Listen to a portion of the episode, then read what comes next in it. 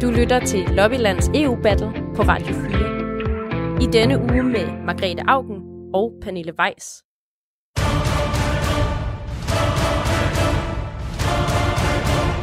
The winner takes it all.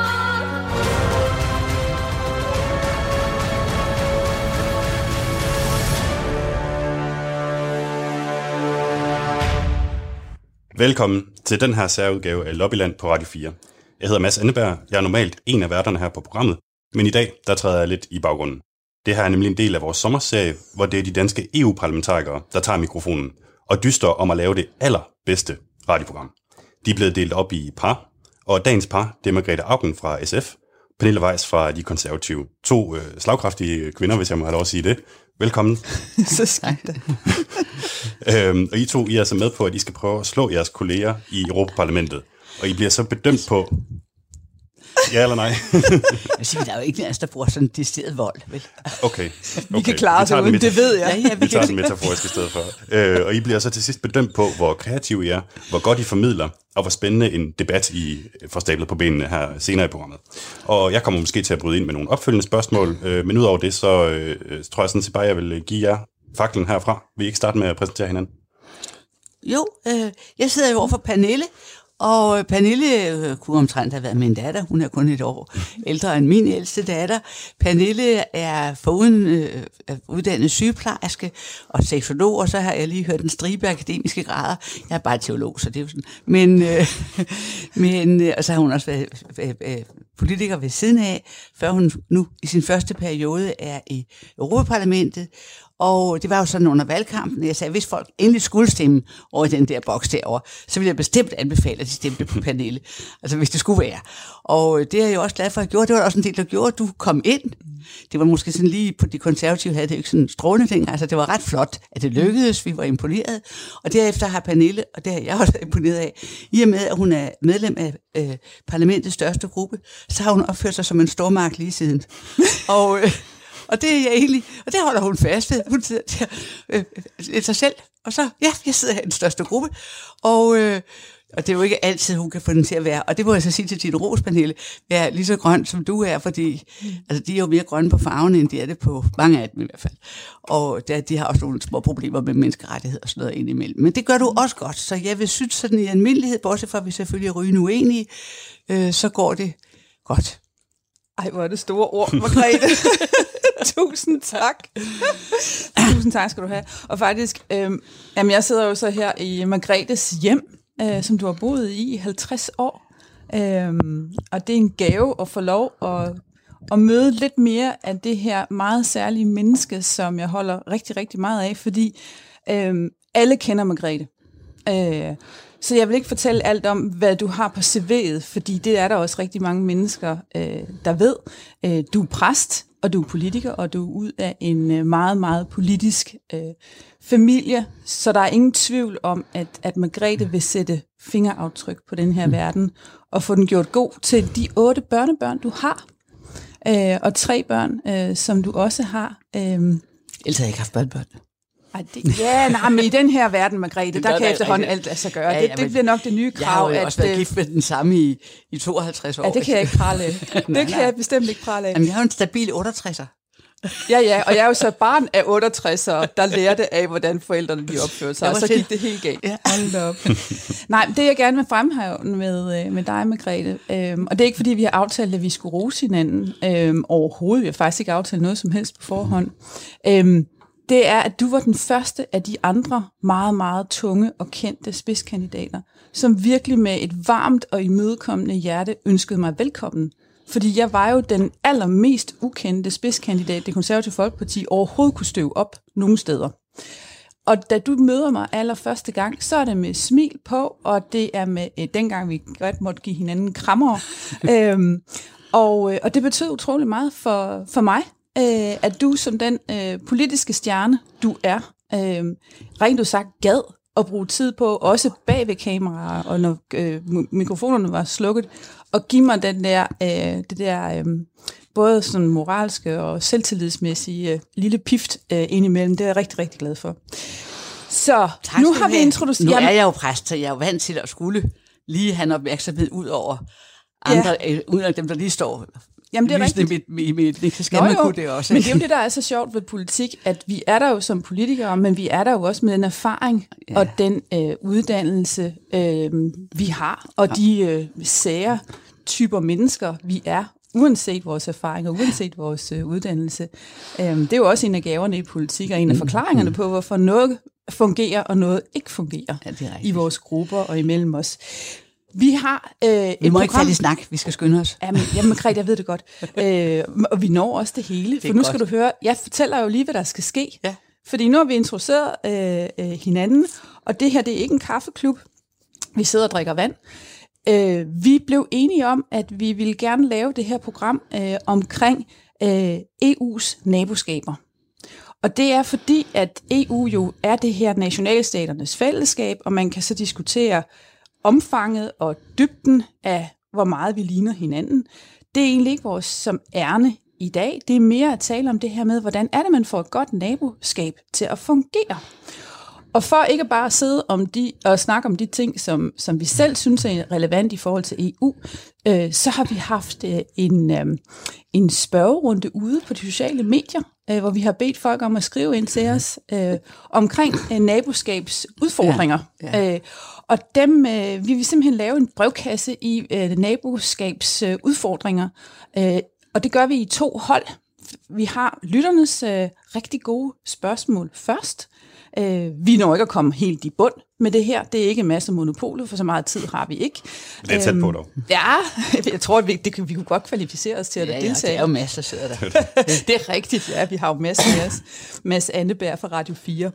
Øhm, men øh, vi tager øh, lytterspørgsmålene først, og så bliver der lige en lille overgang, og så går vi øh, mere i kød på nogle præcise øh, politiske øh, naboskabsudfordringer med EU, som Margrethe og jeg vi har forberedt. Så skal vi lægge fra land, og så tager du det første lytterspørgsmål. Og det står, der står her, at min nabo kommer oprindeligt fra Holland.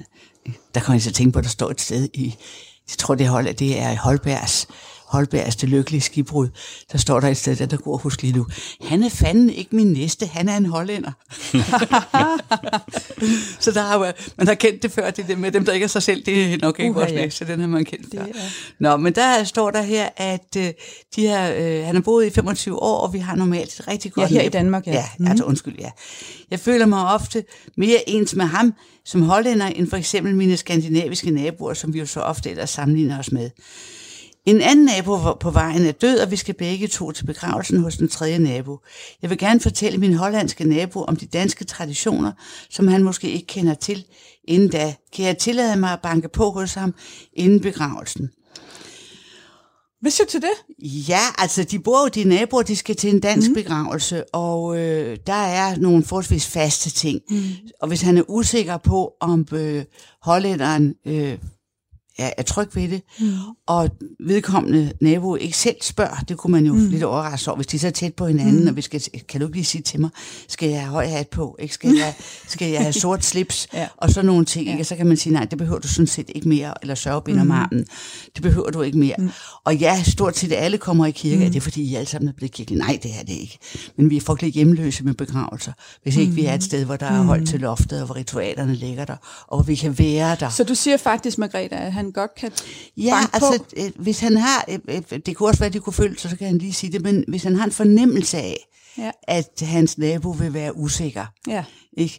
så kan det sådan set være meget klogt lige at sige, du skal lige være opmærksom på, at du behøver altså Ja. ikke have stort slips på. Så anbefalingen til ham er i virkeligheden, hvor godt kender du din nabo. Ja. og er, det, er din tvivl, handler den om din egen usikkerhed, eller fordi du tror, at din nabo har nogle særlige forventninger til dig, så skal du selvfølgelig banke på. Så kan man selvfølgelig gøre det også, det behøver ikke at komme sådan belærende. Nej. Det kan komme også lige, det kan jo godt være, at du ikke kender vores mærkværdigheder her. Ja. Men vi vil jo nok sige, hvis han har boet i Danmark i 25 år, er der en færre chance for, at han har været til begravelse Det tænker før. jeg også. Det jeg godt kan lide ved spørgsmålet, Ja. det er sådan set, at her har vi med øh, et menneske at gøre, som kærer sig så meget omkring sin nabo, at ja. til trods for, at vedkommende har været i landet i 25 år, så har han alligevel øje for, det kan jo godt være, at det her det er så specielt, så at min nabo er lidt bekymret for, hvad det er, der skal ske, og om man nu netop har det rigtige tøj på, Ja, og fører sig på den rigtige måde. Går det rigtige sted Ja. ja. i, i, i rækken. Der står Ja. ja. alt det der. Men det har altså meget at gøre med også, hvorvidt naboen vil opleve ham som MC, Ja. Ikke? Eller naboen synes, det er en god hjælp. Ja. Altså jeg synes normalt, at en af mine slogans hedder, at du skal stikke næsen i andre folks sager. For jeg tror, vi er alt for diskrete. Jamen virkelig, vi er alt for ja. diskrete. Og tænker på, hvor ja. mange gange jeg, fordi en fornemmelse sagde mig, at der er et eller andet galt til. Ja. Og så ringe, hvor, i stedet for at folk siger, hvad blander du dig i det for? Men, men det er jo også der, hvor vi som øh, danskere ligner hollændere, n- måske mere end vores øh, andre nordiske ja. Broderfolk, ja. Fordi at hollænderne er meget mere hurtige på aftrækkeren. Altså, danskerne er- bliver jo nogle gange kaldt øh, for, for Nordens italienere. Ja, altså, altså, de er hollænderne er altså ikke så uforskammede, som vi er. Nej. De skal ikke bruge helt så Ja, mange men så ved du hvad, så synes, jeg, så synes jeg, vi skal runde det her spørgsmål af ved at sige, hvor er det så godt, at vedkommende nabo, danskeren, ikke er så uforskammet og hurtig, så at han virkelig gerne vil bringe den på. Gør dog det. Ring på, tag en kop kaffe, Altså, og så jeg siger, spørg. vi er uforskammede, så fordi, vi praler af over for de andre. Ja, ja, ja. ja. At vi er så direkte. Og ja, jeg er dansker. Det er ligesom jysk beskedenhed. Det er noget Ja. ja. mest støjende, der findes. Ikke? Jeg får nu at sige det på jysk, og sådan harmer det. Og så kommer danskerne og siger, jamen vi er jo så friske, og vi er jo så direkte. Og så er det enten så Ja, men vi uforskammet. har et selv- vi Man har- skal ja, bruge så meget ja. tid bagefter på at sige har- undskyld. Ikke? Vi har en selvforståelse højere end rundetårn. Nå, jeg har et spørgsmål øh, fra lytterne, øh, som er øh, ret øh, tæt på noget øh, EU-specifikt. Det, som lytteren han har skrevet ind, eller hun har skrevet ind, er, at øh, jeg har kigget ud over mine europæiske naboer den sidste tid. Vi har jo ofte så travlt med at sammenligne os med dem, når vi er i EU-fællesskab. Men nabostridigheder og uenigheder om måden at løse coronakrisen på førte til, at vi lukkede af mod hinanden med grænselukninger. Spørgsmålet er, er vi os selv nok i det europæiske villakvarter, når krisen banker på? Det ved jeg, at du har stærke meninger om, Margrethe. Ja, det har jeg. Og det, øh, jeg synes, udviklingen siden februar og marts er gået i den rigtige retning. Altså jeg vil sige, at jeg var ret rystet lige da det hele begyndte, og man kun sad lige og kiggede ind på, om der groede en lille mælkebøtte ind på ens egen grund, mm. og, og så kom farne med sin Roundup. Øh, eller om øh, man faktisk så, hvad er det, der mm. sker i fællesskabet, altså vores berømte historie med de der, de der øh, mm.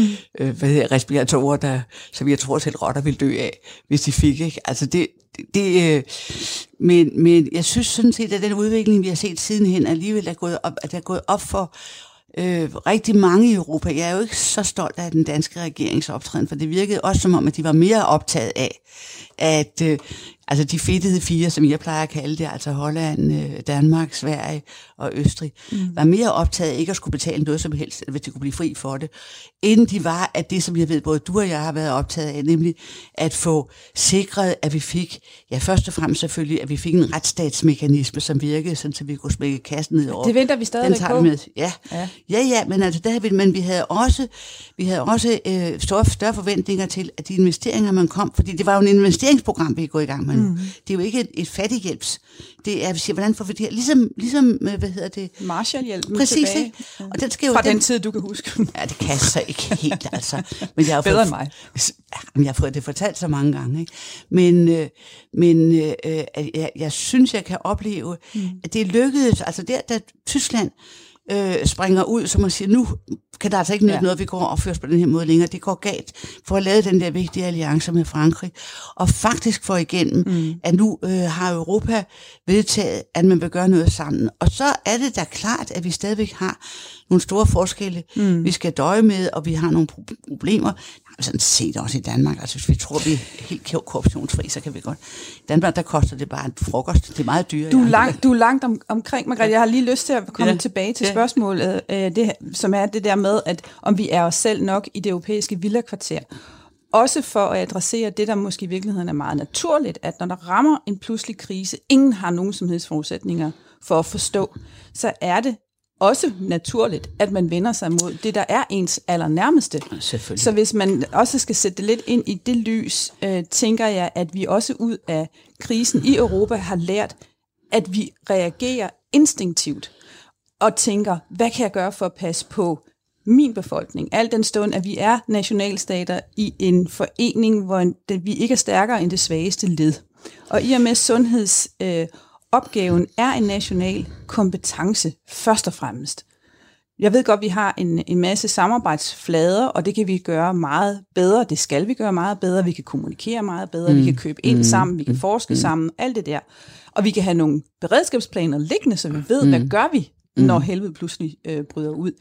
Men jeg tror også, det er vigtigt, at vi øh, øh, har respekt for, at det er et urinstinkt i alle mennesker at vende sig mod sine nærmeste, sin familie, dernæst sine omgivelser, dernæst sin by, og så sit land, og så lidt længere ude af, af kadencen, der kommer øh, Europa ind. Det er jo så der, hvor du og jeg har en opgave som politikere til at være dem, når vi sidder i europapolitikken, at trække det store æderkoppespind frem og arbejde med det, mens de andre koncentrerer sig om det nære.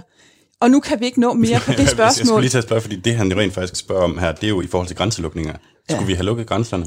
Det gjorde vi jo. Ja, men skulle, skulle vi have lukket grænserne, Jeg som vi tror, gjorde? jeg tror, vi kommer til at erkende, øh, når nogen har haft tid til at forske ordentligt i bund på, hvad var det kloge af alt det, vi gjorde. Der vil der formentlig være en, en, en entydighed omkring, nej, det behøvede vi faktisk ikke at gøre, hvis vi havde haft en bedre kommunikation over grænser. Hvis vi havde haft en bedre kommunikation omkring håndhævelse af hygiejneforskrifter. Og, altså det er jo først i løbet af krisens første uger, vi finder ud af, okay, fysisk distancering, mundbind, håndhygiejne, og at vi ikke bevæger os så meget. Og derfor så vil jeg ikke udelukke, at i fremtiden, så vil det stadigvæk være en god idé at lukke grænser for simpelthen at få sat tempoet på mobilitet ned, indtil man har inddæmmet en, øh, en smittespredning. Man bliver nødt til at finde ud af, hvad er det, der virker på den Ja. her virus. Så, så Altså- ja nej. Og hvad, hvad Ja, tænker du, Margrethe? Altså, jeg, jeg, jeg tror ikke, vi skulle have gjort det. Jeg tror, altså, de andre tiltag, men vi har øh, rigtig øh, idiotiske erfaringer med grænselukninger. Det er så meget symbolpolitik, så hvad man har spildt af, af, af, af politi og ting og sager. Jeg har også en fornemmelse af, at her var det. Men det, som jo virkelig... Ja, men det- Må jeg men- godt... Undskyld. Ja, men nu- Undskyld, så kom bare igen. Ja, men jeg, jeg tror, det er vigtigt at, at skille ad, hvad handler om, om hvad skal man sige, symbolske grænselukninger. Det er ikke det, vi skal tale om lige nu. Det tror jeg faktisk, vi to ret langt hen ad vejen kunne finde en fælles mængde af enighed omkring. Her står vi med en virus. Nu er jeg selv sygeplejerske. Der handler det altså om at få folk til, hold jer i ro. Lad være med at gå rundt og, og, og, og smitte hinanden, før vi ved, hvordan den opfører sig. Og derfor giver grænselukninger formentlig under forskellige forudsætninger god mening. Det vil jeg ikke udelukke, simpelthen fordi det rent sundhedsfagligt men, virker men hvis jeg logisk. lige må sige, at der var, øh, jeg tror, man allerede fra begyndelsen kunne have klaret meget med at lave den rejsekontrol. Og det, som jo har vist sig, der var ingen af os, der kendte den virus i forvejen. Præcis. Og det, som har vist sig, det er, at vi står med noget, der er meget mere diffust, Ja, ja, end vi egentlig var klar over. Og øh, i forhold til Sveriges strategi kunne have vist sig at være den kloge Ja, ja. strategi, øh, på den måde, de gjorde det på. Hvis det gav mening at sige, nu skal vi opbygge det, der hedder en flokkeimmunitet. Så det viser, at det, det ville jo have kunnet med mange andre mm. sygdomme, men det har man så ikke rigtig kunnet her. der er Men der må vi også et eller andet sted give plads til, at vi lærer, og når vi lærer, så skal vi også Ja. lære at tilgive os selv, og den anden, at, Ja. at man tog fejl. Så nu har, Ja. du har et spørgsmål nu. Må vi hoppe videre, Mads? Ja, det må I meget synes jeg gerne. Fordi vi har det sidste og det tredje. Ja, altså jeg har en nabo, som er politiker. Ja, det har jeg så ikke. Jeg, Det er der nogen omkring dig, der har. ja, jeg føler selvfølgelig interesseret med, når naboen er i tv eller i avisen. Jeg har dog på det seneste oplevet, at jeg er rygende uenig med min nabo, når, han, når hun udtaler sig om politik. Nå, for sådan, hvem er det? Kan jeg som nabo tillade mig at konfrontere hende, når vi mødes på vejen? Det kan både være din og min nabo. Det er absolut. Har du nogensinde om, prøvet er det? enten en af jeres naboer. Altså. Ja, jo, jo. Det kan vi godt, det kan vi godt lege. Ja, det har jeg da prøvet, men altså øh, normalt på det fornøjelige. Mm-hmm. Ikke? Men og, og, det, som man har været ude for, det er heldigvis mange år siden, men det, gør- det er vemmeligt, når man møder dem, der væser ind i hovedet på en. Nu de, de, de, altså et eller andet, og så kommer ja. der altså en, en flok af skældsord. Det svarer til, når kloakeliten tager fat på Facebook der og så videre. Ikke? Og der er bare strømmer af skidt og møg ud af ikke? Men, øh, men øh, jeg, jeg synes, altså det, ja, hvis man diskuterer med hinanden, og så er det jo altid, det er faktisk Pernille og jeg jo også, altid et spørgsmål, om man taler med hinanden på en sådan måde, at lyder det som om, at man vil snakke videre, Ja. eller lyder det som om, det er sidste gang, vi mødes. Ikke? Ja. Og det kan man jo lige have med Ja. i, i baghovedet. Ja. Ikke? Hvordan er det Ja. ja. lige, vi snakker her om tingene? Fordi rigtig meget kan, kan jo vise sig. Altså, jeg har jo skiftet øh, øh, ikke, me, ikke holdning, men mening mange gange i, i mit liv, og det er jo da fordi, jeg har snakket med folk, som, jeg, som vidste noget andet end mig, og hvis det er mennesker, jeg har tillid til, så kan de jo flytte en. Ikke? Det er jo altid forudsætningen, så kan det ikke ligegyldigt, hvor gode deres argumenter er. Så man kan sige, det der er faktisk er svaret til den her øh, nabo, ja. Som spørger om til, tilladelse til at konfrontere. At lade være med at konfrontere. Fordi det er en dårlig start på enhver for- samtale, ja. uanset om det handler om højden på hækken ja. eller naboens politiske meninger. Ja. Øhm, det er da meget bedre at, at starte med et introducerende spørgsmål, ja. at jeg ved, du arbejder rigtig meget på det her. Jeg kan ikke forstå, hvorfor du mener det, du gør. Kan du ikke forklare, hvorfor at du har de her synspunkter? Pernille for eksempel, jeg har jo nu har jeg arbejdet i Nordisk Råd i Ja. ja. 80'erne, sad jeg i Nordisk Råd i 10 år, fra jeg, da jeg var i Folketinget. Og øh, der har jeg jo sådan med nordmændene, som er mine meget gode venner. Ja. Der siger jeg altså, det der med at være med i alt, undtagen indflydelsen. Ja, ja. Det synes jeg måske ikke er det mest sexede, jeg har været ude for endnu, men det synes de jo åbenbart. Ja. Og det, der har jeg det altså med. Der går jeg på, men der er vi også så gode venner af drillerier, og hvor de så alligevel også skal hen og svare på Jamen, det. er det ikke også, fordi du og jeg egentlig synes, at, at Norge burde Ja, ja, selvfølgelig. træde ind i EU? Jo, selvfølgelig. Men ja. så lad os så sige, at Norge er naboen. Betyder det så, at Ja. naboen skulle melde sig ind i politik? Nej, Jamen, det, jamen, præcis, jamen, det kunne jo faktisk godt være øh, et anstødsten til af naboen, fordi den politiske øh, interesse fylder meget. Ja. At man så ved at have en god samtale med mig som politiker, nabo, så finder naboen, som egentlig er kritisk over for både min politik og hvad der i, måske i det hele taget foregår i samfundet, finder ud af, jeg kunne faktisk få en god kollega med en anden politiker. Jeg har faktisk lyst til det her. Jo, men det, Det kunne jo faktisk være, og det ville jo være super fantastisk, fordi der er jo for få mennesker i nu stadigvæk, der ikke er, er stiller op til, til valg. Og vi har et kommunalvalg næste år. Øh, skulle vi ikke slå et slag for, jo, at altså, nej, det, det, det, jo, altså, vi skal have flere kommunalkandidater? Ja, Margrethe? det skal vi, men jeg synes måske, det er meget godt, at der er en hel masse andre, der laver noget andet. Altså, det, Nå, det, ja. det, det, jeg tror- tror, jeg, jeg lige må sige, at jeg selv ikke færdig. Nej, men det er, hvis man kan, altså, altså hvis samtaler går i stå, fuldstændig. Ja. Vi har nogle hæftige emner, der hedder flygtninge, asyl. Vi har nogle hæftige emner, der hedder selvfølgelig klima, hvor vi ganske vist er enige overordnet, men hvor det når det så kommer til stykket, mm. så der kan, kan Pernille og jeg også tage en tur. Hvad er det, der skal til? Øh, vi har øh, en række af den slags ting. Og der kan man sige, hvis, hvis samtalen går i stå, så kan det jo sådan set næsten være det samme. Og så kæmper vi, og det er vi også nødt til at gøre, mm. op på magtbasen. Hvem kan samle mm. flest tilhængere? Men i det omfang, det er muligt at få en rigtig øh, hvad skal vi sige, hvor man lytter til hinandens argumenter, Ja. og hvor man kan høre, hvis der er for eksempel en, der er bange for et eller andet, jamen er det en frygt, der er berettiget? Ja, ja. Eller er det, eller står vi, der kan også være, for eksempel, nu har jeg jo et meget, som du ved, det, jeg jeg er ikke helt styr på, hvad du, hvad du grund mener der, i forhold til øh, asylansøgninger og sådan noget. Vi har et kæmpe problem i hele verden. Der er ikke ret mange af dem, der er i nærheden af os. Jeg mener, at vi har et med, medmenneskeligt ansvar mm. for at hjælpe, hvor vi kan. Vi har også mm. en forpligtelse til det. Så siger de, men du er ikke bange for, at der kommer for mange? Så siger jeg, jo, men hvad skal jeg gøre? Mm. Altså, jeg kan jo ikke, der er steder i mit liv, mm. hvor vi må våge, mm. øh, ja. i, i vores egen menneskeligheds navn. Fordi hvis, vi, hvis man nogen, det er jo hverken dig eller mig, men hvis man umenneskeliggør andre, mm. hvis menneskelighed er det, der ryger først. Det er så super interessant, Margrethe, fordi det har noget at gøre med det her øh, næstekærlighed. Og nu er du præst, men, og jeg er, er, er kirkegænger. Jeg er meget aktiv øh, kirkegænger. Skal være i kirke efter det her øh, interv- øh, program, vi har lavet. Det skal Øh, jeg jo også.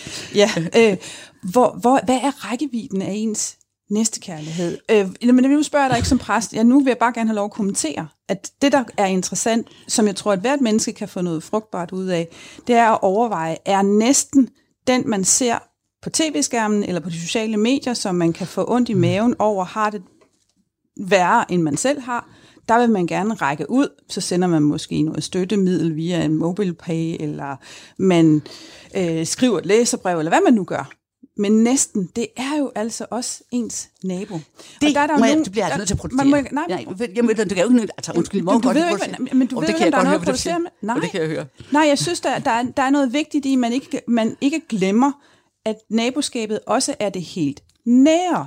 Og det er det der med at finde balancen imellem at række ud i verden, uden at man bliver helt blind for, hvem er tæt på mig, som jeg faktisk har mulighed for at hjælpe. Så kommer mit, mit modargument. Ja. Du er be- beæret og bebyrdet med demokrati. Og vi sidder et, med et demokrati, hvor vi har, ikke mindst du og jeg, indflydelse på men også vores vælgere, indflydelse på, hvad der sker meget længere. Og det betyder, det er da ikke uenig med hvis jeg ikke godt må lov til- Jamen, du, du søger. Nej, nej, nej, nej, hvis du, hvis du stiller noget, så må jeg godt svare på det. ikke? Og, Jeg øh, stiller ikke noget, jeg kommenterer. Nå, ja, ja, undskyld. Margrethe. Jamen, det har jeg også lagt mærke til. Ved du hvad, vi det har jeg også lagt, nej, men nu må jeg godt lige sige det her færdigt, for det er faktisk meget vigtigt for mig. Så jeg, hvis jeg må kommentere færdigt. Du må meget gerne Tak skal du have, du er rigtig generøs datter. Nej, Du behøver ikke konfrontere. Du Nej, så siger jeg, jo, du har men sanden, så langt dit ansvar rækker, og det rækker langt. Ja. så har du også en forpligtelse til at se medmennesket, også i den, der kommer fra Somalia, også i den syriske flygtning, også i den, hvis du ser et mishandlet barn i en lejr, der, har du, der skal du ikke sige, det kommer ikke mig ved. Du kan sige, der er grænser for, hvad jeg orker, og den har jeg sådan set lidt mere forståelse for. Ja. Jeg håber så bare aldrig, og det vil være, være pu- punktum på det her, jeg håber aldrig nogensinde, at jeg, som, så længe jeg er politiker, når til, at der er nogle emner, nogle problemstillinger, jeg ikke længere orker at arbejde med. Jeg kan vi gerne erkende, at der er noget, jeg ikke Ja. overkommer, fordi det har jeg simpelthen Nå, ikke magt til. det, er næsten, det er næsten spider ord, men jeg har det slet det nu være her. Ja, okay. Spørg- spørgsmålet her, det var jo, at Ja. der var en, en, en person, som havde en nabo, der var politiker, ikke? Ja. Og, og, Må jeg konfrontere vedkommende med, at jeg er uenig? Og nu kan vi i hvert fald se, hvad der sker, hvis man konfronterer en, en, en politiker. Ikke? Og jeg siger, det er sjældent, det går så venligt af, som det gør. Så kan vedkommende jo lige vurdere, om, øh, om, om Ja. vedkommende simpelthen øh, tør det. Men i hvert fald så er konklusionen, gør det øh, venligt. Altså, lad være Ja, med ja. at... Ja, og være nysgerrig og lyt. Hør efter, er der en begrundelse? Altså, er det, ikke, er, er det ikke bare aggressiv? Er der en begrundelse i den andens Og den går begge veje. Selvfølgelig. Fordi ja. der er, findes også kollegaer, som simpelthen ikke gider at snakke med almindelige mennesker. Og der er også nogle, jeg ikke og som hellere vil lave politik på Twitter. Ja, Øh, jeg vil, det og må der er også nogen, der ikke vil spille med adrenalin på. Ja. Det er en kostbar væske, man Jo, skal være. det er ligegyldigt, om man så diskuterer politik eller hvad som helst. Okay, Nå, jamen, vi altså, så har skal vi, været videre igennem, til- vi har været igennem en brevkasse her med, med, med præsten og Tusind seksologen, tak. SF'eren og Tusind de tak til jer, der har skrevet ind. Der er faktisk flere, øh, der har skrevet, end vi har kunne tage med. Ja. Øh, og hvis I gerne vil have svar øh, fra os to, så send dem til os. Så skal vi snakke sammen og sende et, øh, et lille lydklip af vores diskussion. Jeg tror, vi kan lave et helt særprogram med, Det kunne vi sagtens. med Ja. Okay, jamen altså, så skal vi sådan set bare videre til den del, der hedder debatten. Jeg må jo lige have lov at spille en lille øh, lyd, så vi er i stemning.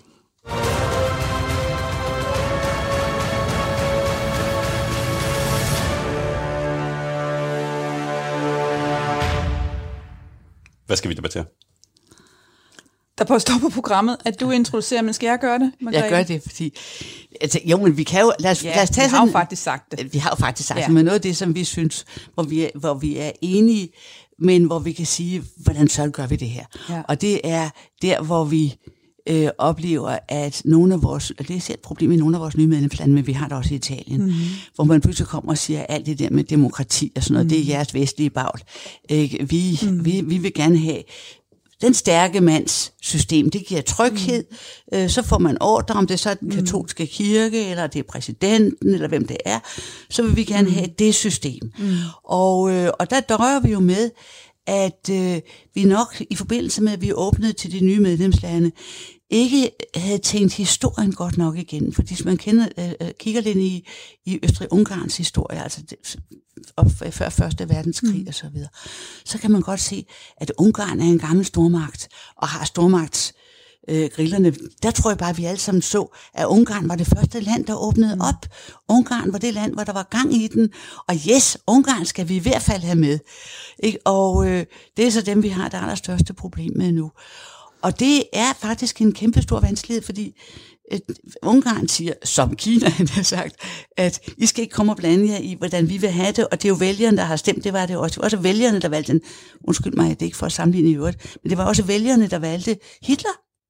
Det foregik jo også demokratisk. Han blev valgt demokratisk. Så lukkede han for demokratiet derefter, men altså, øh, den der påstand om, at det er jo bare vælgerne, og der er vi altså nødt til at sige hos os, og det vil jeg så, og der tror jeg, eller jeg ved, vi er enige. Mm. Altså menneskerettighederne, det er, at det er alle sammen mennesker med samme følelser mm. og forventninger, mm. og derfor er vi nødt til at slås for det her. Spørgsmålet, som knytter sig til det her, ja. Der står i vores manuskript, Margrethe, det er, hvordan vi sikrer det gode naboskab, det bliver bevaret på trods af de forskelligheder, som vi har. Fordi det, man også må anerkende, det er, at det, der har gjort EU stærk, Ja. og det, der har gjort Europa stærk igennem mange, mange, mange, mange hundrede år. Ej, trods der har af- vi været op og slås altid. Ja, men vi, for, jamen, prøv nu at høre, Margrethe. Det, vi er blevet stærke på, på grund af vores øhm, forskelligheder. Vi kan altid inspirere hinanden til at blive bedre. Så en gang imellem i forhistorien, så, så, så, så begyndte vi at slås.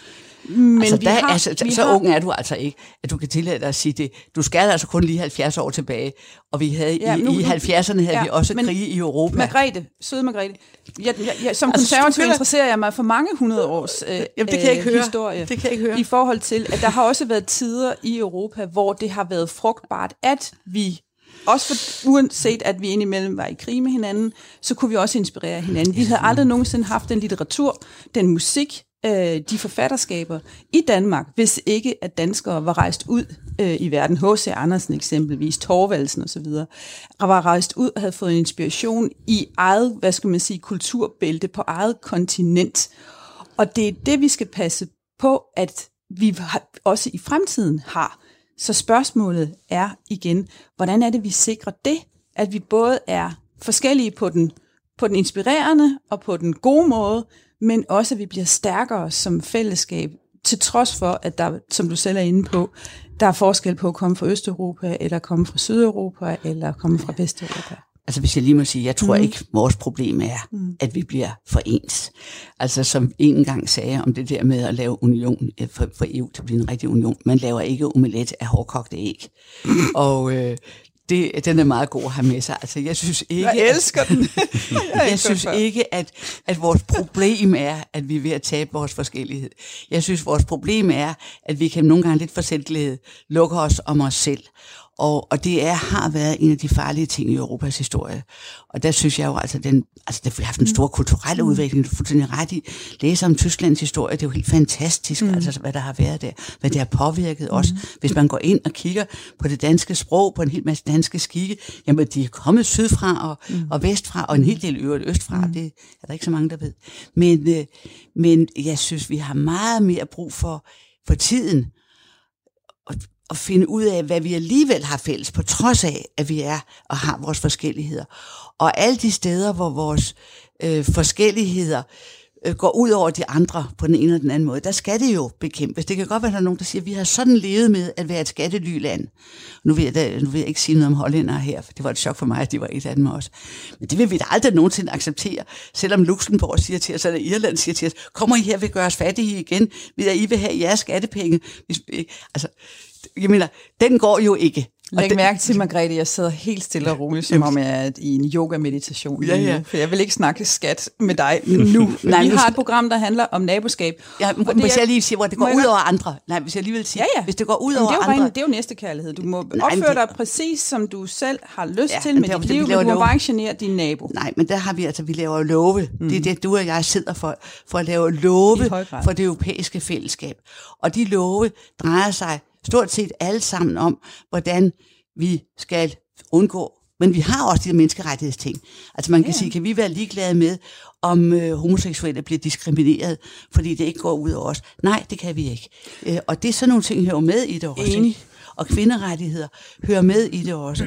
og det har vi så, og det kan vi så sige, det er der, hvor vores værdier, mm. de uafhængige domstole, som jeg synes er kernen i demokratiet, jamen, det skal vi altså blande os i. Det får vi fat på lige om lidt, men jeg vil bare gerne have lov til at afrunde det her spørgsmål, der handlede om øh, øh, vores forskelligheder og hvordan vi øh, sikrer det gode naboskab. Du siger, det er vigtigt, at vi interesserer os og trækker frem de steder, hvor vi faktisk har fællestræk. Det vi har fælles øh, mellem EU-landene, det er jeg enig i.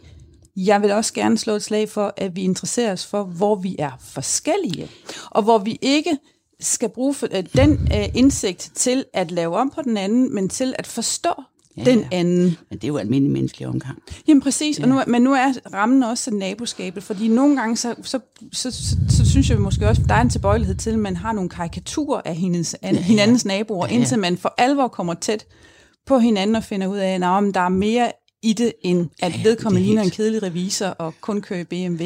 Ja, og finderne er altid fulde. Og ja. det var de nok engang. Øhm, Skal vi? Pernille, må jeg ikke gøre det, fordi du, du siger det her med, at man må ikke genere sine naboer. Øh, betyder det så, at vi skal lade være med at være efter Polen på, på, på kvinderettigheder? Betyder det så, at vi skal lade være med at være efter øh, italienerne på, hvordan de bruger deres penge? Altså de der ting. Nej, fordi det er jo ikke næste kærlighed at lade for eksempel italienerne køre ud over kanten rent økonomisk. Det er jo heller ikke næste kærligt at lade hånd om, at der er nogle menneskerettigheder, der er nogle grundlæggende øh, retsprincipper i Polen, der ikke bliver øh, i varetaget. Så for eksempel LGBT øh, mennesker oplever, at der er kommuner, hvor de simpelthen ikke er velkomne i. Øh, det duer jo ikke. Der skal vi jo være stærke i troen på, at menneskerettighederne de er universelle, og der skal vi gå over hækken og sige, stop, det går ikke. Men du skal lige have med, fordi det er, det er mange mennesker, der ikke er klar over, at faktisk siger reglerne i EU, at, øh, at bioetik er nationale anlægner. Hollænderne kan ikke komme og tvinge os til at lave aktiv dødshjælp. Og vi har ikke kunnet tvinge Irland, det har de sig selv gjort nu til at få fri abort. Øh, fordi det og det kan jeg rigtig godt lide, mm. at man har sagt, det gør de selv. Men der er nogle grundlæggende ikke-diskriminationsting, Præcis. som skal respekteres, og de er fælles. Ja. Og der er selvfølgelig nogle flydende grænser. Øh, Vi har haft nogen hos os i den grønne gruppe, som mente, at vi skulle have retten til abort indskrevet i menneskerettighederne. Så sagde jeg, prøv lige at tænke på, hvor sent det kom hos os. Øh, Men have retten til for eksempel familieplanlægning og sådan noget, det kan man godt. Man kan virkelig komme mm. efter den katolske kirke, hvor den forhindrer, hvor den forhindrer familieplanlægning, mm. altså øh? Seksualundervisning ja, og og prævention, prævention, ja. og prævention og så videre. Men vi skal også respektere, og det er jo lidt skægt det der, skal vi komme og have lavet forbud mod købesex? Ja, det synes jeg. Men jeg skal da lige love dig for, at hvis du møder nogle af de andre, Frankrig går jo ind for forbud mod købesex. Det er lidt skægt, det er der mange, der ikke ved. Men øh, der er jo så mange bordeller i de franske romaner. men men øh, det er faktisk øh, godt at huske, mm. at det må du faktisk ikke blande dig i. Nej, og det er derfor, vi både skal kigge efter, hvor ligner vi hinanden, og hvor er vi unikke. Og så, og så, Og så hold være- samtalen i gang. Præcis. Og så hold præcis. samtalen i gang. Det synes jeg er skæggest. Lad os hoppe videre til øh, spørgsmål nummer øh, to. Øh, det er et, du stiller, Margrethe. Vi har været lidt inde øh, på det, men øh, kom med det. Ja, men, men, nu sidder du der og siger, hvor er nu, vi har spørgsmål nummer to. Ja, men det er det, der handler om Og jeg, jeg retter for retsreformerne Polen, i jeg kan godt se det her. Jeg har ja. lige snakket om det her, ja. Ja, det og dommerens uafhængighed. Og der vil jeg så godt lige sige, at først og fremmest det med retssystemet. Fordi vi kan jo se, trods alt, altså selv i et så politisk inficeret retssystem, som de har i, i øh, USA, så kan vi pludselig se, der sidder alligevel nogle dommere, som har loven og retten som det øverste. Og hvis vi opdager, at et retssystem fuldstændig er i lommen på, på den politiske magt, så kan de altså ikke være i klubben. Øh, og øh, vi har, vi, det er meget, meget svært at smide nogen ud. Og det er også meget svært at bruge den paragraf, der er bestemt til det, fordi der skal alle være enige, og Polen og Ungarn vil til hver en tid sikre sig, at det mm. ikke sker. Men vi har faktisk nogle mekanismer, og der er jeg altså rigtig glad for, at vi er at der er så stor enighed i parlamentet mm. om, at de mekanismer skal altså bruges sådan så, at hvis vi med føje kan sige, de her retsting, de, det er ikke i orden, så kan vi sige, så okay, så smækker vi øh, kassen ned over fingrene på jer. Mm. Vi har faktisk allerede mekanismen. Kom- Kommissionen har bare været utilbøjelig til at bruge den. Og derfor er det Derfor er det jo godt, at de lige nu har lukket kassen i over for de seks Præcis. kommuner, som har lavet LGBT-frie zoner. Ja, de får simpelthen men jeg så EU-støtte. også gerne, at de, ja, det er fint, mm. men jeg så også gerne, at vi bliver mere konsekvente. Det er nok et af vores største problemer i EU. Det er, at på trods af, at vi har rigtig gode love, som det har taget 100 år en madpakker for lavet, og vi har været op og rundt og og ned og rundt og næst ind i et naboværelse, og du går for det tager tid, og langt ud over min tålmodighed i almindelighed kan bære. Men jeg har forståelse for det. Men når så kommissionen, hvis vigtigste opgave det faktisk er, at sørge for, at øh, vores love bliver overholdt, når de så sidder og trækker sig tilbage og ikke gør det. Mm. Og det har vi faktisk haft på den her mekanisme også. Ja. Nu håber jeg altså, at vi lykkes med Ja, det håber jeg også. at blive så stærke, Ja. at, at selvom øh, Polen vil så, eller mm. Ungarn især vil prøve, mm. om de kan stoppe Og lad os øh, komme med en kommis- forbruger lytteroplysning ja. her, at lige nu afventer vi jo på, at kommissionen kommer med et forslag til den her såkaldte retsstatsbødekasse. Ja. Og der vil jeg håbe, der er rigtig mange lyttere, der har lyst til at følge den over de næste par måneder, Ja. fordi vi regner med, at de kommer med et forslag, hvor man ikke skal hoppe på den positive udlægning af, at hvis bare man bruger ordet kvalificeret flertal, så er nok alting godt. Nej, det det er Margrethe og jeg, sammen med vores øh, øh, flertal af kolleger i parlamentet, gerne vil store flertal. meget store, 450 ja. Ud af 700 et ja. Par styk, øh, det er, at vi vil gerne have, at kommissionen er forpligtet til at lukke kød, kø, øh, kødkassen, kød, pengekassen i, øh, lige så snart, at de her såkaldte Københavner-kriterier, som er ja. De Københavner-kriterier, der Præcis. blev lavet i øh, 1993, øh, at de øh, bliver overholdt. At hvis kommissionen konstaterer det, så har de en handlepligt. Ja. Og så er det kun, hvis der er kvalificeret øh, flertal i rådet, at rådet kan stoppe det. Det vil sige, at der kommer meget mere fart over feltet Ja. til at få grebet ind med det samme. Ja, og jeg er glad for, at du nævner Københavnskriterierne, fordi sådan som det står, at de skal overholde traktatens værdier, og det er sådan lidt flippy-floppy formulering, det står som i traktatens artikel 2. Men netop fordi Netop. vi alle sammen enedes om, at den udmyndning, der blev lavet i Københavnskriteriet, frie hemmelige valg, øh, fri presse, øh, øh, uafhængige domstole, nu tager jeg sådan de ting, jeg synes er det vigtigste ved det, ikke? Og, og det er jo det, som staterne har skulle leve op til, men du skal lige vide, at lige da jeg kom i parlamentet, da jeg havde været der, det var i forbindelse med noget med Italien, mm. der sagde, de havde også et problem med pressen. Hvornår var det, du kom i Jeg kom i parlament? 2004 i parlamentet, jeg sad i Folketinget indtil da. Der var det sådan, at kommissionen sagde, at Københavnskriterierne, det var jo kun, når man skulle optages som medlem. Ja, præcis. Og så galt de ikke, og sagde hov, hov, hov, hov. Ikke? Altså, og der er traktatens artikel 2 og koblingen, altså Netop. værdierne, og så Netop. Københavnskriterierne, der kan vi se, det er der, det står. Præcis. Ja, så vi har altså nogle Ja. lande, som blev medlem af EU til, i, Og de i starten af op til 0'erne, det. og som levede op til det dengang. Det gjorde Ja. de. Og som Ja. så er gået i bakgear. i bakgear. Ja. Og der har vi ikke nogen mekanisme for endnu, når lande går i bakgear, hvad gør man så? Det, der så er gjort i forhold til de øh, to-tre lande, man overvejer at optage, det er, at øh, der kan de ikke på samme måde bare få et flueben en gang, og så er alt godt. Der skal de blive ved med i hele deres optagelsesforberedelse, som ikke kun handler om retsstatsprincipper, øh, men også handler om en hel masse omkring struktur og økonomi og så Men videre. Pernille, du skal, vi skal lige have med her, mm. At, at faktisk har der været en mekanisme, med, hvor der, som kunne være brugt med, hvordan EU's tilskudspenge bliver brugt. Fordi det er der faktisk en bestemmelse om allerede i dag. Jamen, det er den, som øh, Nej. kommissionen bruger nu. Jamen de bruger den ikke. Nej, men, det, men i forhold til de øh, se, seks polske kommuner. Jo, men der er også noget med, fordi der er en masse korruption i flere af de der Ja, det er der. Men altså, at, at den mekanisme, mm. som står allerede i loven, mm. og det betyder, at vi behøver ikke at have de der fine flertal. Den, det er loven. Og, og ulovlighed er altså forbudt i hele Europa, ja. må vi lige sige. Ikke? Men øh, så skulle kommissionen tage affære, når de bare siger, åh oh, nej, det vil- rører vi ikke ved. Og det er der, vi har en politisk opgave, en stor politisk opgave, til virkelig at lægge pres på vores egne regeringer, så de skubber på, og, og Hvor er, du, hvor, er, hvor er jeg glad for, at du siger det, Margrethe, fordi det er lidt noget af det, jeg har skrevet, mens du Ja. ja. talte før. Nå, men altså, et er, hvad vi i parlamentet kan hisse hinanden op til en gang imellem og mene, og så laver vi en resolution, og så bliver den sendt over i, øh, i, øh, i rådet, over til statsregeringslederne, over til kommissionen, at nu er vi utilfredse med det, der stadigvæk ikke er sket noget med. Der har vi hver især som jeg vil næsten så også, også sige, som gode naboer i vores egne partigrupper nede i parlamentet, og i vores eget parti, og i vores eget land, at vi minder vores til enhver tid siddende regering om, at der er, vi skal trække på samme hammel, og vi er mange, der skal gøre noget for, at vi passer godt på vores demokrati. Ja. Og vi skal og vi... have vores eget fo- folketing Ja, ja. til at presse, presse regeringen. Ja. Og de skal vide, hvad de ja. Laver. Det gør det ikke i dag, det Fordi, problem. og det er den anden ting, jeg gerne vil sige, inden vi lige smutter videre til det næste spørgsmål, det er, hvad er det netop, vi kan gøre ved det her? Øh, det er, øh, der er jo dem, der indimellem siger, jamen, så skal vi bare smide Polen ud, så skal vi bare smide Ungarn ud, så skal vi bare smide Tjekkiet ud, og vi skal bare lukke for Malta, øh, når de øh, slår journalister ihjel, der undersøger øh, øh, korruption. Der er mit ståsted det, at jeg vil hellere være konsekvent og fast og tålmodig, sådan så at vi bygger på næste generation og næste generation og håber på den forandring, som jeg slet ikke har nogen fantasi til at forestille mig ikke sker, nemlig at de næste generationer Men skal man være tålmodig, når udviklingen går den forkerte vej? man skal være fast og tålmodig. Altså, du skal, du skal, se, en, en, en, en, du skal se en progression. Du skal se en forandring ske. Men du må heller ikke, fordi det er popsmart hjemme i dit eget land, at være meget kritisk og konsekvent over for dem, så må du ikke miste, hvad skal man sige, tålmo- tålmodighedens nådegave. Det er jo den, der gør, at man skubber den anden til varig forandring. Øh, vi har jo haft nogle store diskussioner, ikke mindst med vores partier i Danmark, øh, det har jeg også haft, med øh, hvor meget skal vi faktisk gå ind og hjælpe de der lande, som har haft et utroligt mm. i forhold til økonomi, ja. øh, og øh, er, det, er det vores opgave mm. at gøre det.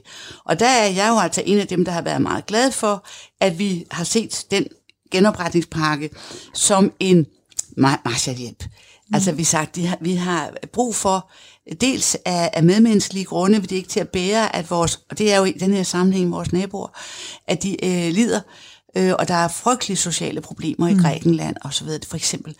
Men vi har selv interesse i, at de kommer på fod, fordi vores økonomier er så forbundne, at, at vi gør det. Så jeg har været rigtig glad for, at man har gjort det, og så vil man sige, jamen skal EU optage lån? Ja, og ved du, de kan få den meget billigere, fordi hvis det er stærke økonomier, der optager lån, så er det jo billigere, end når det er fattigmåsene, der gør det. Og derfor har det også haft i den færdighedsgrad ved sig. Også fordi der ligger en mulighed for, når man laver en fælles lånoptagelse, så stiller hvert land med en, en garanti ja. øh, til det her lån, og dermed så er der også lagt en grobund for, at vi har en særlig naboskabsrelation imellem de penge, nogle lande får mere, end jeg gør, fordi jeg har stillet en garanti. Og det er jo noget af det, som ja. vi også har været meget enige om undervejs, det er, at vi skal have skrevet det, der hedder semesterplaner, og det er sådan nogle lidt sådan økonomiske, samfundsmæssige scorekort, øh, som hvert land hvert år skal sende ind og sige, det går så og så godt hos os med det og det og det. Netop, netop handler om job og vækst, og ja. der vil vi gerne have sundhed ind også. Sådan så vi har en garanti for, at de penge, vi nu låner, det faktisk gør os stærkere øh, som, som fællesskab. Vi, vi, vi, vi taler altså om, øh, om, om naboskab. Vi skal meget snart til at runde af. Vi sidder mm. her med Pernille Weiss fra de konservative, Margrethe Augen fra SF. Men jeg vil bare høre, altså den her øh, ekstra økonomiske solidaritet, mm. som der lige er blevet øh, fundet et kompromis på på mm. EU-niveau, mm. hvor vi øh, hjælper andre lande økonomisk på grund af corona. Har vi hjulpet nok? Nej, altså der er vi jo sammen om et, et parlamentet, blev faktisk ret øh, øh, sukker over, at man slet ikke var inddraget i diskussionerne. Vi er jo medlovgiver, vi skal jo sige ja til det her.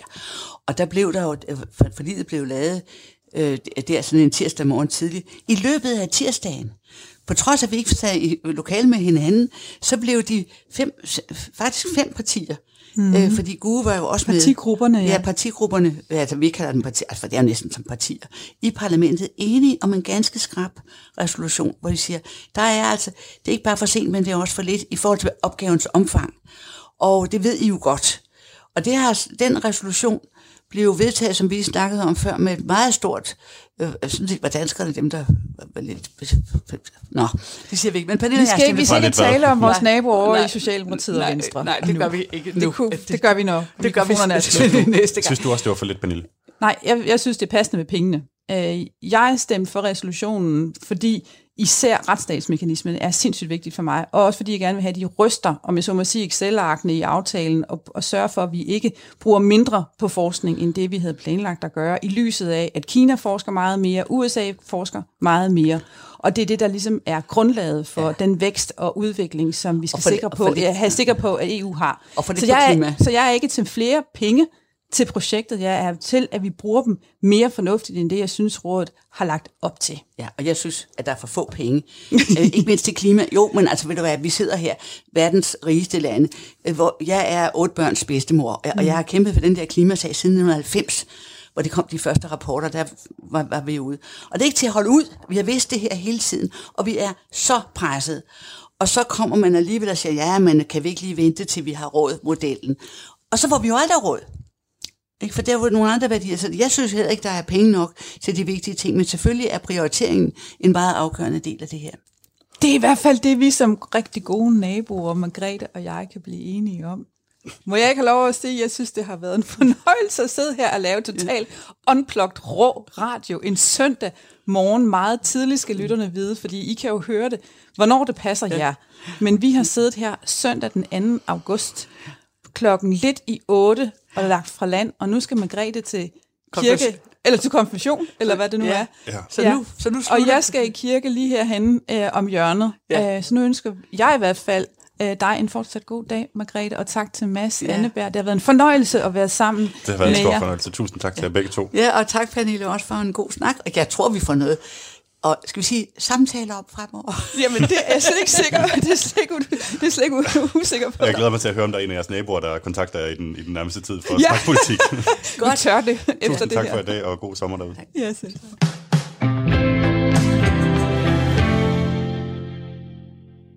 Okay, nu er vi så kommet til den helt og aldeles afgørende del af programmet her, hvor vi skal have to lyttere til at bedømme, hvordan de to europaparlamentarikere har klaret sig i løbet af programmet. Tina, nu har du jo faktisk bedømt et par programmer, men til de lyttere, der ikke lige hørte det, vil du ikke lige præsentere igen, hvem du er? Jamen, jeg hedder Tina, og jeg er 39 år, bor i Køge med mine to dejlige børn og min dejlige mand, og arbejder som lærervikar på en folkeskole. Hvad, hvad tænker du overordnet om programmet? Jamen, jeg synes overordnet, så var det et rigtig, rigtig fint program. Jeg kunne rigtig godt lide deres øh, sammenligninger. Øhm, og så synes jeg også bare, at Margrethe og Pernille er et, øh, et sjovt team at sætte sammen. Okay. Det er den gamle gavede mod den unge nye. Øh, så et sjovt team. Og øh, vi skal jo til det igen, det der med pointgivningen. Så hvis vi lige starter med kreativitet, hvad tænker du så overordnet om det? Jamen, der tænker jeg, at de godt kan få tre point. Jeg synes, det var rimelig kreativt alligevel, at de havde øh, lavet en, en Facebook-undersøgelse med lytterspørgsmål. Altså, det var et, øh, det var et sjovt og et øh, kreativt indspark.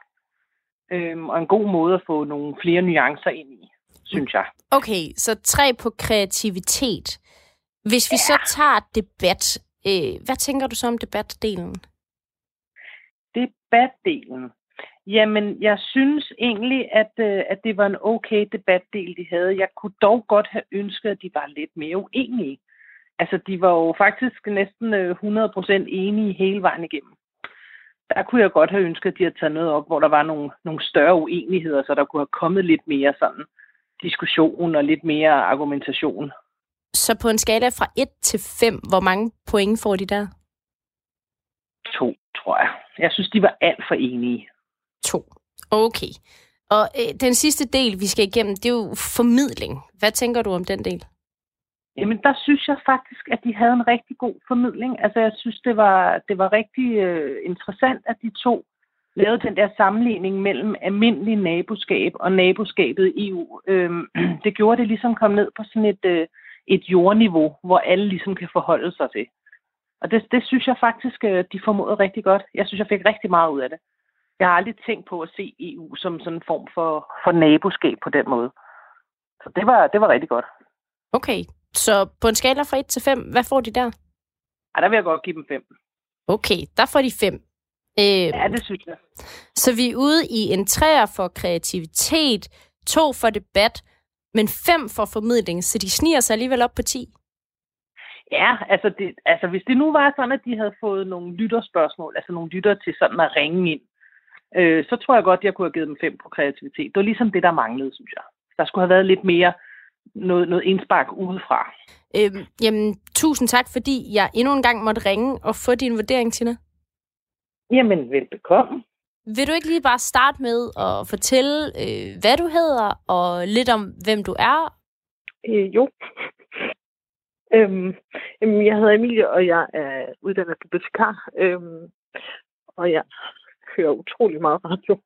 Øhm, ja. Jeg øh, bor i Aarhus, og er fra Odense. Og hvor gammel er det, du er? Jeg er 36. Okay. Og du har så hørt det her program. Hvad, hvad tænker du sådan helt overordnet om programmet? Altså, det fik mig lyst til at vide noget mere. Fordi jeg synes, der var, øh, der var meget af det, som jeg simpelthen øh, slet ikke øh, vidste noget om. Og også, øh, altså, jeg synes, det var spændende nok til at også blive sådan lidt irriteret, når det blev lidt overfladisk, fordi jeg tænkte, hvad, hvad, hvad er det, de snakker om? Øhm, så ja. Lad os starte med det kreative. Øh, hvad tænker du om, om den kreative del af programmet? Altså, jeg synes, det var en, det var en ret sjov idé at lave øh, sådan en, en lille brevkasse øh, rundspørg, at de havde ligesom forberedt sig ved at spørge ud, om der var nogen, der havde nogle brevkassespørgsmål til. Og det synes jeg egentlig var en meget sjov idé i forhold til at tage sådan nogle nære nabostridigheder ud som, som udgangspunkt for nogle, øh, nogle større nabostridigheder. Det synes jeg var meget sjovt ting. Og hvordan synes du, det fungerede? Mm, jamen, jeg synes, at det blev lidt rodet, øhm, fordi de jo hurtigt taler om alt muligt andet end, end selve spørgsmålet. Så hvis du skal give dem point fra 1 til 5, hvad vil du så give dem på kreativitet? Jamen, jeg synes, øh, jeg synes ideen var god nok til, at de får fire. Fire for, point for, for ideen. Ja.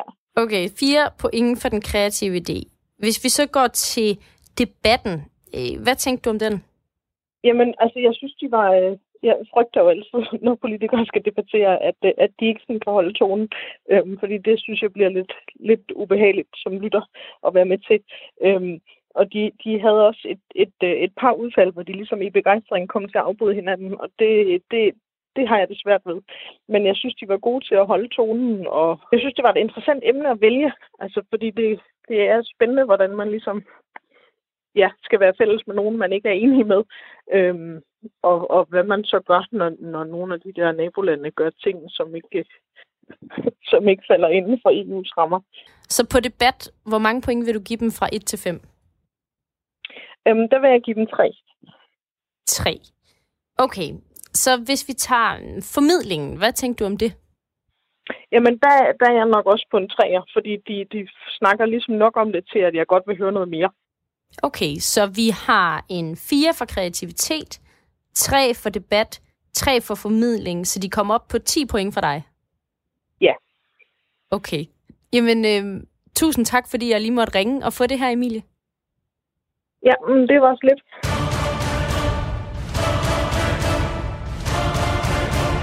The winner takes it all.